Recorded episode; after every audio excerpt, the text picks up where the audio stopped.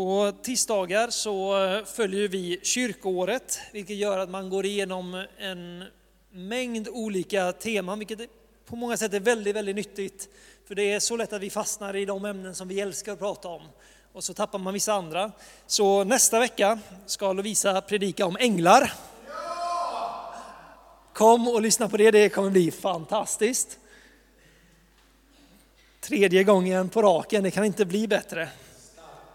Tänk vad Lovisa kan om änglar nu hörni. Idag är temat döden och livet. Eh, och jag tänkte på det när jag såg den här titeln, att jag predikar inte jätteofta om livet efter döden. Därför, det är en, för alla er som har hört evangeliet så vet jag att det är en av de grundläggande sanningarna. Det är en så stor del av vårt hopp och vårt tro att den dagen då vårt liv här tar slut så får vi möta med den uppståndne Jesus.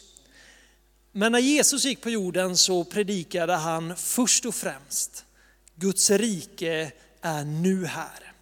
Ta emot Guds rike här och nu. Lär känna Fadern, Sonen och den helige Ande här och nu. Eh, men idag så ska vi prata lite om döden. Inget halleluja på det? Nej? Starkt säger Jakob. Nej, men det, det, är sanningen att vi behöver inte frukta döden. Har vi tagit emot Jesus som vår Herre, vår frälsare, om vi, har, om vi tror på honom med våra hjärtan, om vi bekänner honom som Herre i våra liv med vår mun så vet vi att det väntar ett liv på andra sidan. Jag vet inte om eh, ni någon gång har haft en nära döden upplevelse. Jag kan inte riktigt säga att jag har, har haft det. Eh, men man hör väldigt ofta hur människor som har haft en sån här nära döden upplevelse Säga att, liksom att de har en helt ny respekt för livet. Det är så mycket som de vill göra annorlunda, det är så mycket som de vill förbättra, de vill värna om sina nära och kära och de vill sluta springa runt och vela i livet. När jag satt och förberedde det här lite grann så bara fick den här låten från Macken i huvudet. Det ska vara gött att leva, annars kan det kvätta. Fint att leva, annars kan det kvitta. Spring inte runt och vela, då sabbar du det hela. Så nu har ni fått höra mig sjunga också. Ja, du ser, vet du. det är Macken som är inom min repertoar.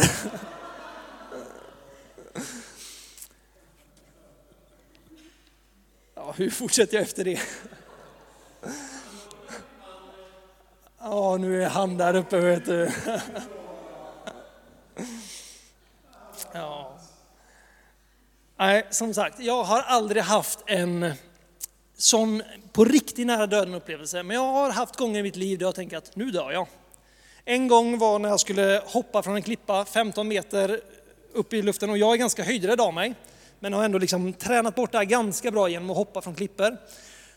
Och ni vet, om man tar det här steget ut och man bara känner i hela sin kropp och man bara känner, nu dör jag. Bra jobbat! Och så slår man i, i vattenytan. En annan gång var när jag var uppe på en eh, utbildningsvecka uppe i Åre och vi kör en sån här tävling, en stafett, lagstafett. Och det är första laget, man, man springer fram och sen ska man äta så mycket man kan av en gurka och sen springa tillbaka och så kommer nästa person. Och jag tänkte att det här ska vi banne med vinna. Så ni vet, jag börjar ju tugga i mig av fulla livet av den här gurkan. Ända tills jag bara känner liksom att det tar fullständigt stopp i halsen på mig och en lagkamrat får komma fram och känna så här Heimlich på mig. Men det, det gick bra. Jag spydde upp den här gurkan där och vi, vi vann inte men eh, vi blev inte diskade heller.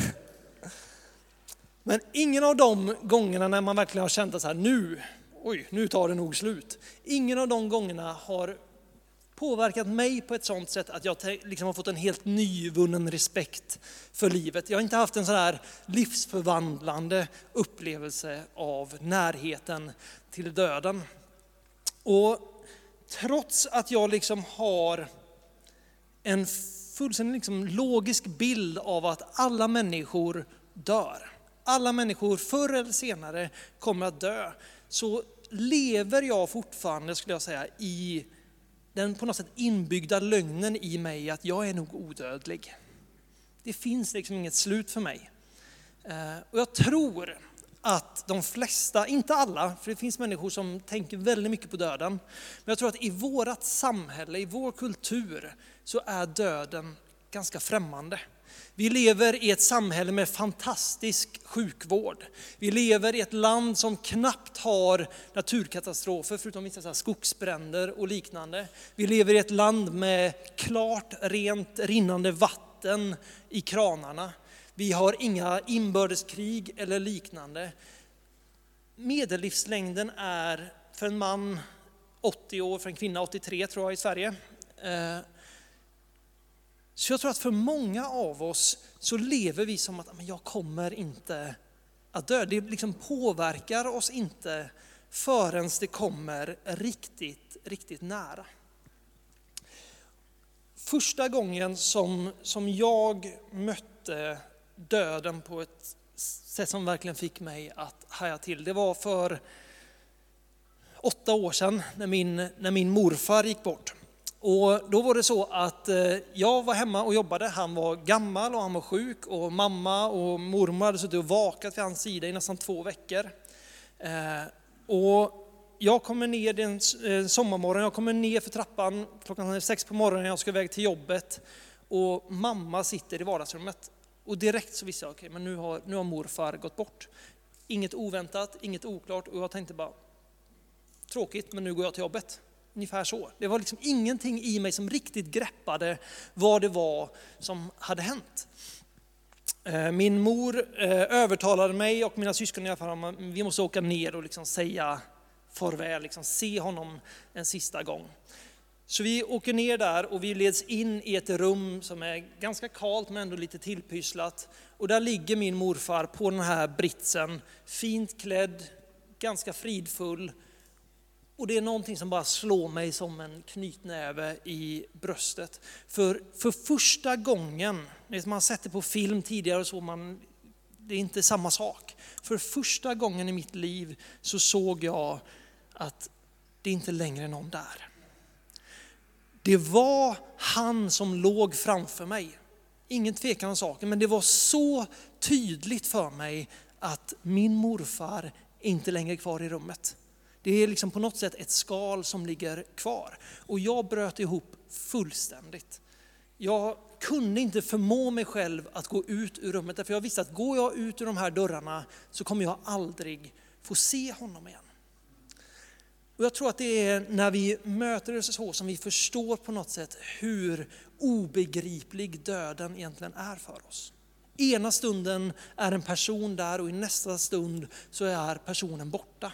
Vi kan liksom inte riktigt greppa innebörden av det, vi kan inte förstå det därför vi har aldrig smakat det. Vi har aldrig erfarit det utan det händer bara där liksom på eh, kortare eller längre distans. Men det blir som en chock för oss därför vi tror i vårt trygga liv att det där händer inte mig eller någon runt omkring mig.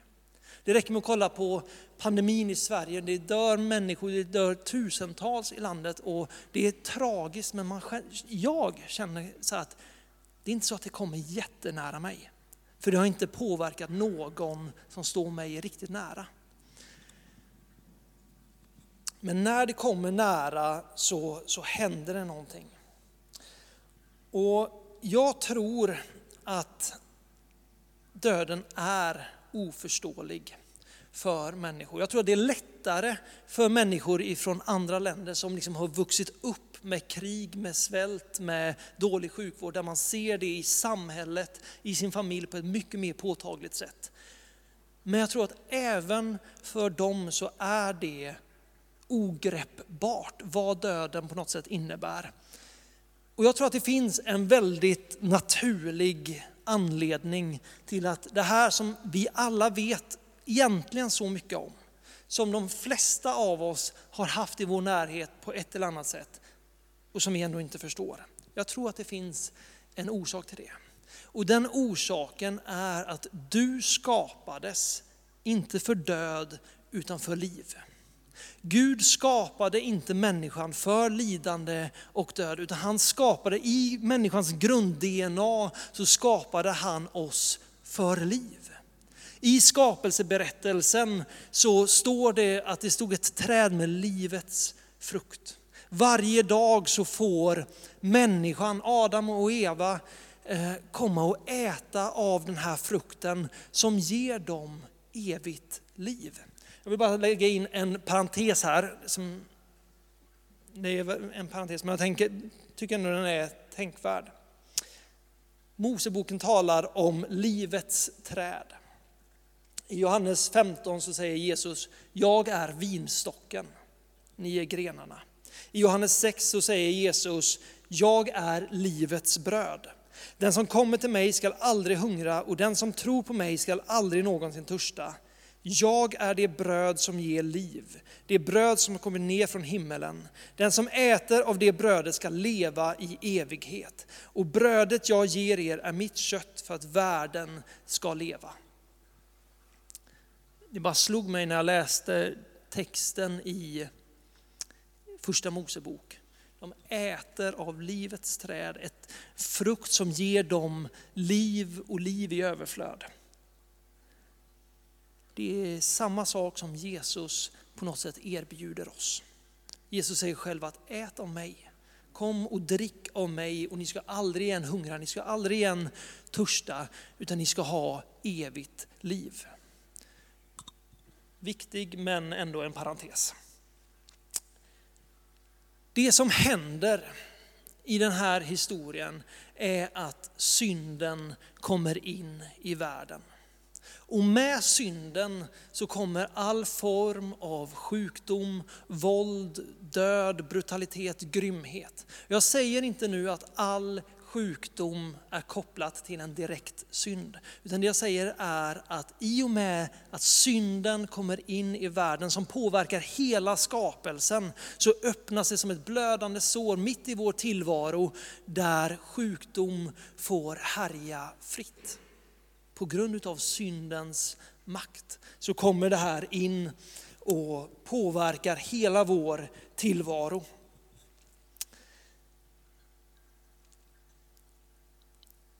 Ifrån tredje kapitlet i Bibeln och framåt genom hela världens historia så ser vi syndens konsekvenser. Vi ser hungersnöder, vi ser svält, vi ser krig, vi ser våld, vi ser sjukdom härja grymt och fritt i världen. Det står så här i eh, första, eh, ja, i det enda Jakobsbrevet vi har i Bibeln. Kapitel 1, vers 14. Var och en som frestas dras och lockas av sitt eget begär. När sedan begäret har blivit havande föder det synd och när synden är fullmogen föder den död. Bedra inte er själv mina älskade bröder. Syndens yttersta konsekvens kommer alltid att vara döden. Därför Gud skapade oss till liv. Så det största som synden på något sätt kan göra är att ta livet ifrån oss.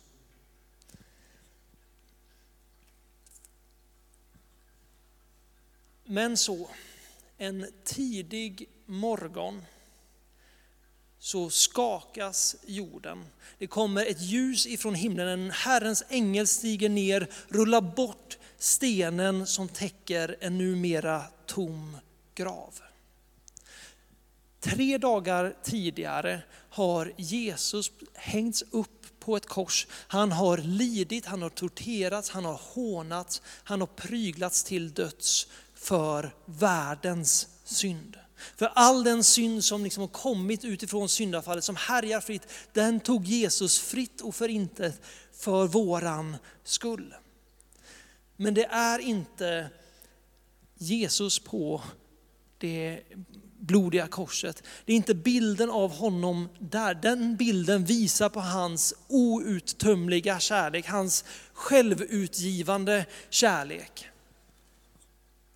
Men det är inte den bilden som ger oss tron till att döden inte längre behöver ha någon påverkan i mitt liv. Det är inte den bilden som talar om en levande Gud, utan det är den tomma graven.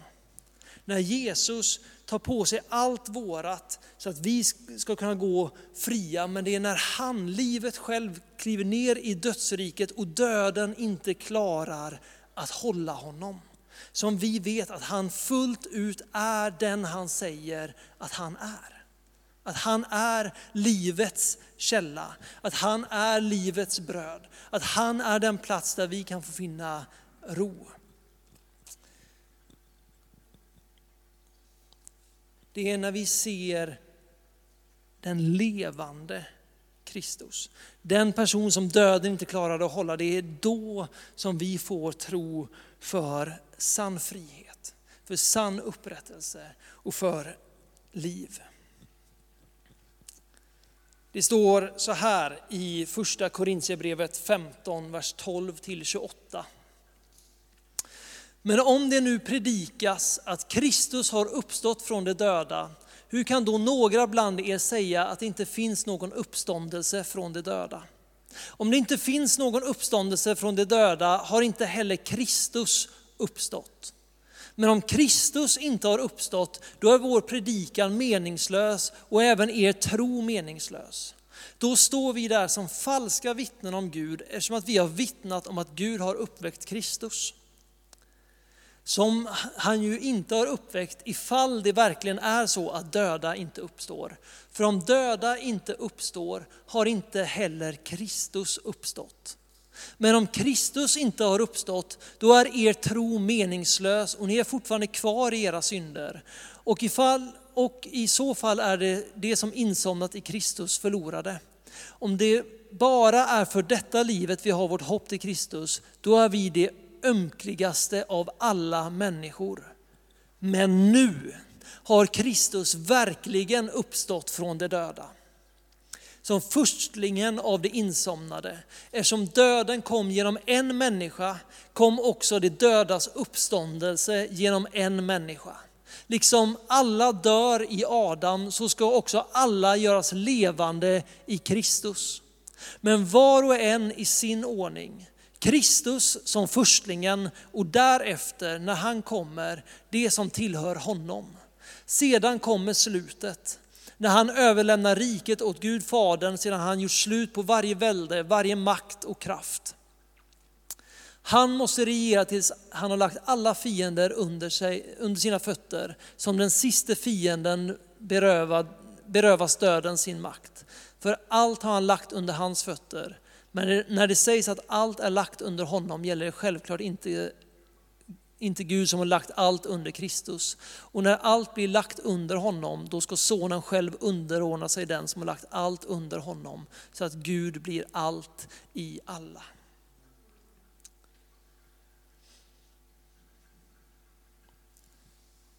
Om det är så att Jesus inte har uppstått ifrån de döda, då är hans död på korset meningslös.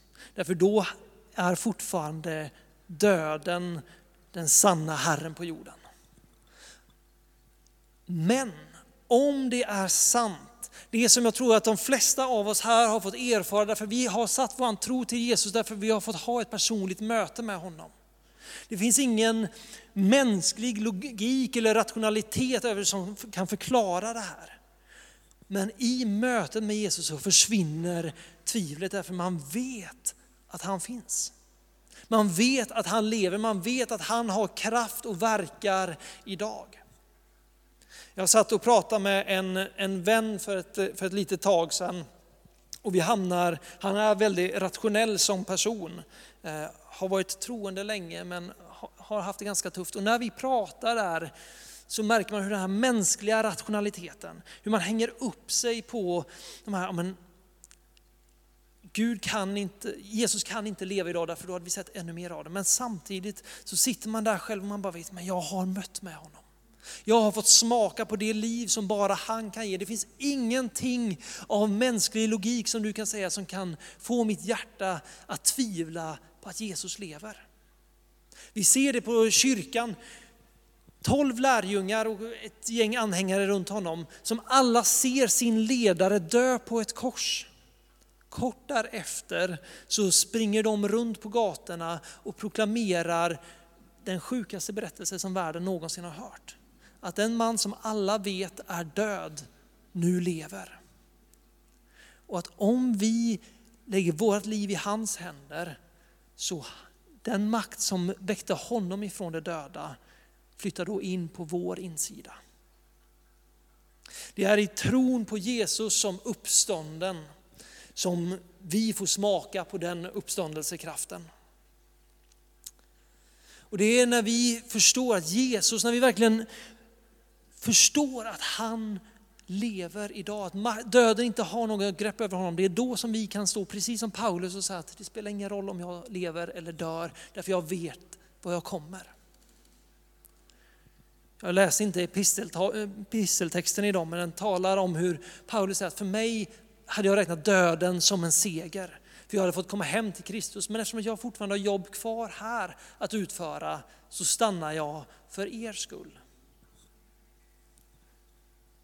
Jag kan inte säga att jag längtar efter att dö. Men jag längtar efter att få vara fullt ut med Jesus. Men Paulus som har fått smaka så mycket av honom, han längtar av allt han är på något sätt efter att få vara fullt ut med Jesus. Tänk vi kan bara se i, i den här texten igen. Det står från vers 23. Men var och en i sin ordning, Kristus som förstlingen och sedan vid hans ankomst det som tillhör honom. Därefter kommer slutet och han överlämnar riket åt Gud, Fadern, sedan han gjort slut på varje välde, varje makt och kraft. Döden är fortfarande en realitet i vår vardag. Den är fortfarande en realitet i vår värld. Vi ser människor dö. Det kommer komma en dag då Jesus på nytt bara kliver in och stannar tiden och säger att från och med den här dagen, de som tillhör mig ska aldrig smaka döden. Men Jesus som var den första att bli uppväckt, troligtvis, utan att säga det säkert, som sagt Jesus kommer som en tjuv om natten, så vem vet, han kanske kommer imorgon. Eller fem minuter innan Lovisas predikan nästa tisdag.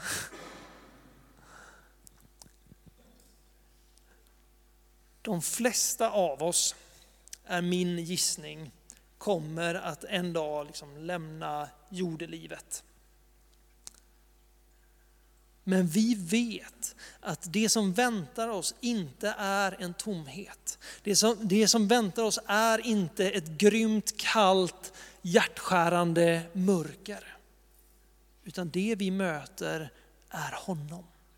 Det är Jesu ögon som vi får se. Det är hans ljus, hans värme, hans kärlek som kommer oss till mötes. Jag tror att väldigt ofta så har vi predikat evangelium som en eh, fribiljett till himlen. Ta emot Jesus idag, behöver inte oroa dig mer för när du dör kommer du till himlen. Men vi ser i Bibeln att det finns så mycket mer. Det finns så mycket mer av Guds liv här och nu. Men sanningen om att vi får komma Jesus till mötes när vi lämnar, den är fortfarande lika sann. Den är fortfarande lika sann. Jag vet inte, jag antar eh, för de flesta av er här att ni någon gång i livet har fått hem ett orange kuvert i brevlådan. För mig är det ofta som ett sorgligt skämt. Jag har nyss gått in i arbetslivet så man bara kollar och bara säger, jaha, vad har jag att leva på de där sista dagarna? När pensionen till slut ska komma. Det är inte mycket kan jag säga. Det är en skral pension jag har, än så länge. Men det finns någonting genom hela vårt liv, vi börjar med att utbilda oss, vi fostras, vi, vi lär oss ett yrke, vi arbetar. Absolut för att klara dagen idag, klara dagen imorgon. Men i vårat system i alla fall så är vi hela tiden där och förbereder oss för den där dagen då vi kan lägga skorna på hyllan, öppna Coca-Colan, låta magen falla ut och sätta oss i fåtöljen och bara njuta. Och förhoppningsvis så finns det lite större siffror i det där orangea kuvertet vid den dagen.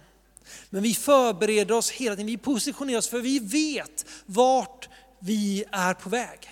Vi vet att om vi har hälsa och vi har livet med oss, så en dag så kommer jag att få pensionera mig och jag kommer kunna slippa arbeta för maten på bordet. Vi arbetar redan nu för det som ska komma. Men jag tror att allt för ofta i mitt liv och hos många av oss så tar vi den där fribiljetten till himlen.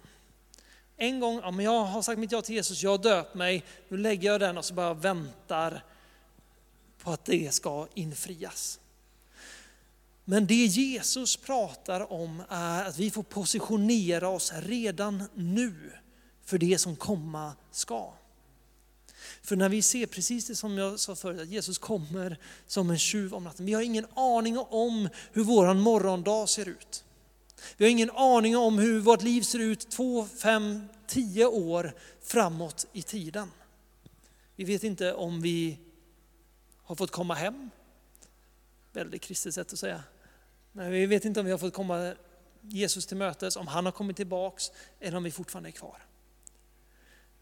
Men redan nu så behöver vi på något sätt positionera oss för mötet med honom. Redan nu så måste vi tjäna, redan nu måste vi lära känna honom. I Matteus evangeliet så pratar Jesus i kapitel 24 och 25 om hans återkomst. Och det står så här, ska vi bara se om jag hittar rätt ställe här. Från vers 42, Matteus 24, vers 42 och framåt. Var därför vaksamma, ty ni vet inte vilken dag er Herre kommer. Men det, det, men det förstår ni att om husets ägare visste när på natten tjuven kom, då skulle han hålla sig vaken och inte tillåta att någon bröt sig in i hans hus. Var därför också ni beredda, ty en stund när ni inte väntar, det kommer Människosonen.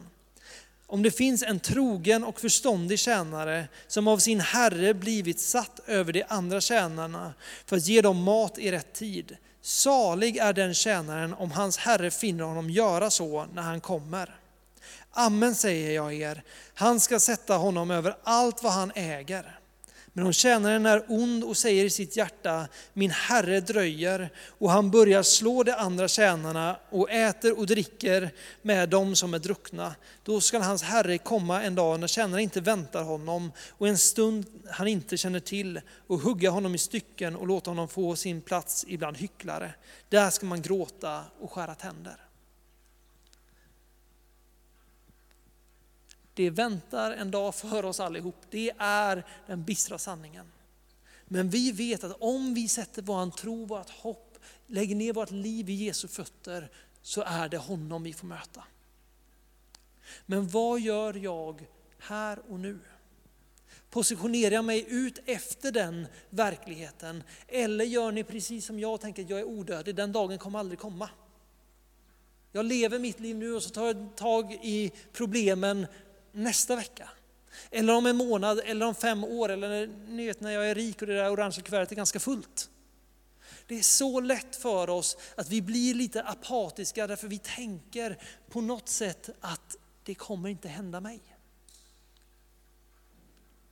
Vår logik säger något annat, men våra gärningar, vårt agerande talar ett annat språk. Men om vi tror på den sanningen att Jesus har besegrat dödens makt, han har besegrat syndens makt för att vi ska kunna ha ett liv tillsammans med honom här och nu. För att när vi den dagen då vi står framför hans ansikte, då han säger välkommen du gode och trogne tjänare. Då agerar vi nu. Jag menar inte att det handlar om att vi ska gå ut och göra mängder för Kristus. Men det Jesus säger, lär känna mig nu. Ät livets bröd nu. Drick livets vatten nu. Låt den där källan av levande vatten komma upp och fylla ditt inre idag. Vänta inte till senare, utan gör det nu för vi vet inte vad livet bär med sig. Dra dig så nära Jesus du kan idag så att du faktiskt orkar stå kvar där när livets stormar senare kommer. Men om jag står här borta och tänker att jag tar tag i det där, jag tar tag i min relation med Jesus. Jag slutar kämpa mot den där synden om ett tag. När den riktiga stormen kommer så är vi inte förberedda. Men om vi står på han som är klippan, säger Bibeln, att då kan inte vinden få oss att falla. Då kan inte marken som skakar få oss att falla. Men vi måste redan här och nu dra oss nära honom. Så att vi lär oss känna igen hans röst, så vi vet när herden kallar. Han har besegrat synden. Han har besegrat döden. Och han inbjuder oss alla att komma och ta del av det liv som finns i hans rike. Det där att få äta på nytt av livets träd. Dagligen. Utan att behöva frukta en dag i framtiden. Men vi måste söka oss närmare honom. Dra oss in till honom och låta han göra sitt verk i oss redan nu. Så att vi är redo för den dag som kommer. Och den dagen, det blir för oss en fröjdens dag. Det blir en glädjens dag, det blir ett firandets dag när vi, på, som Paulus verkligen får säga att nu är jag fullt ut med Jesus. När det verkligen får, det, det är min längtan. Att en dag verkligen kunna känna precis så som Paulus, att det hade varit bättre för mig att fullt ut vara med Jesus nu. Och det gör vi genom att vi drar oss närmare honom idag. Amen.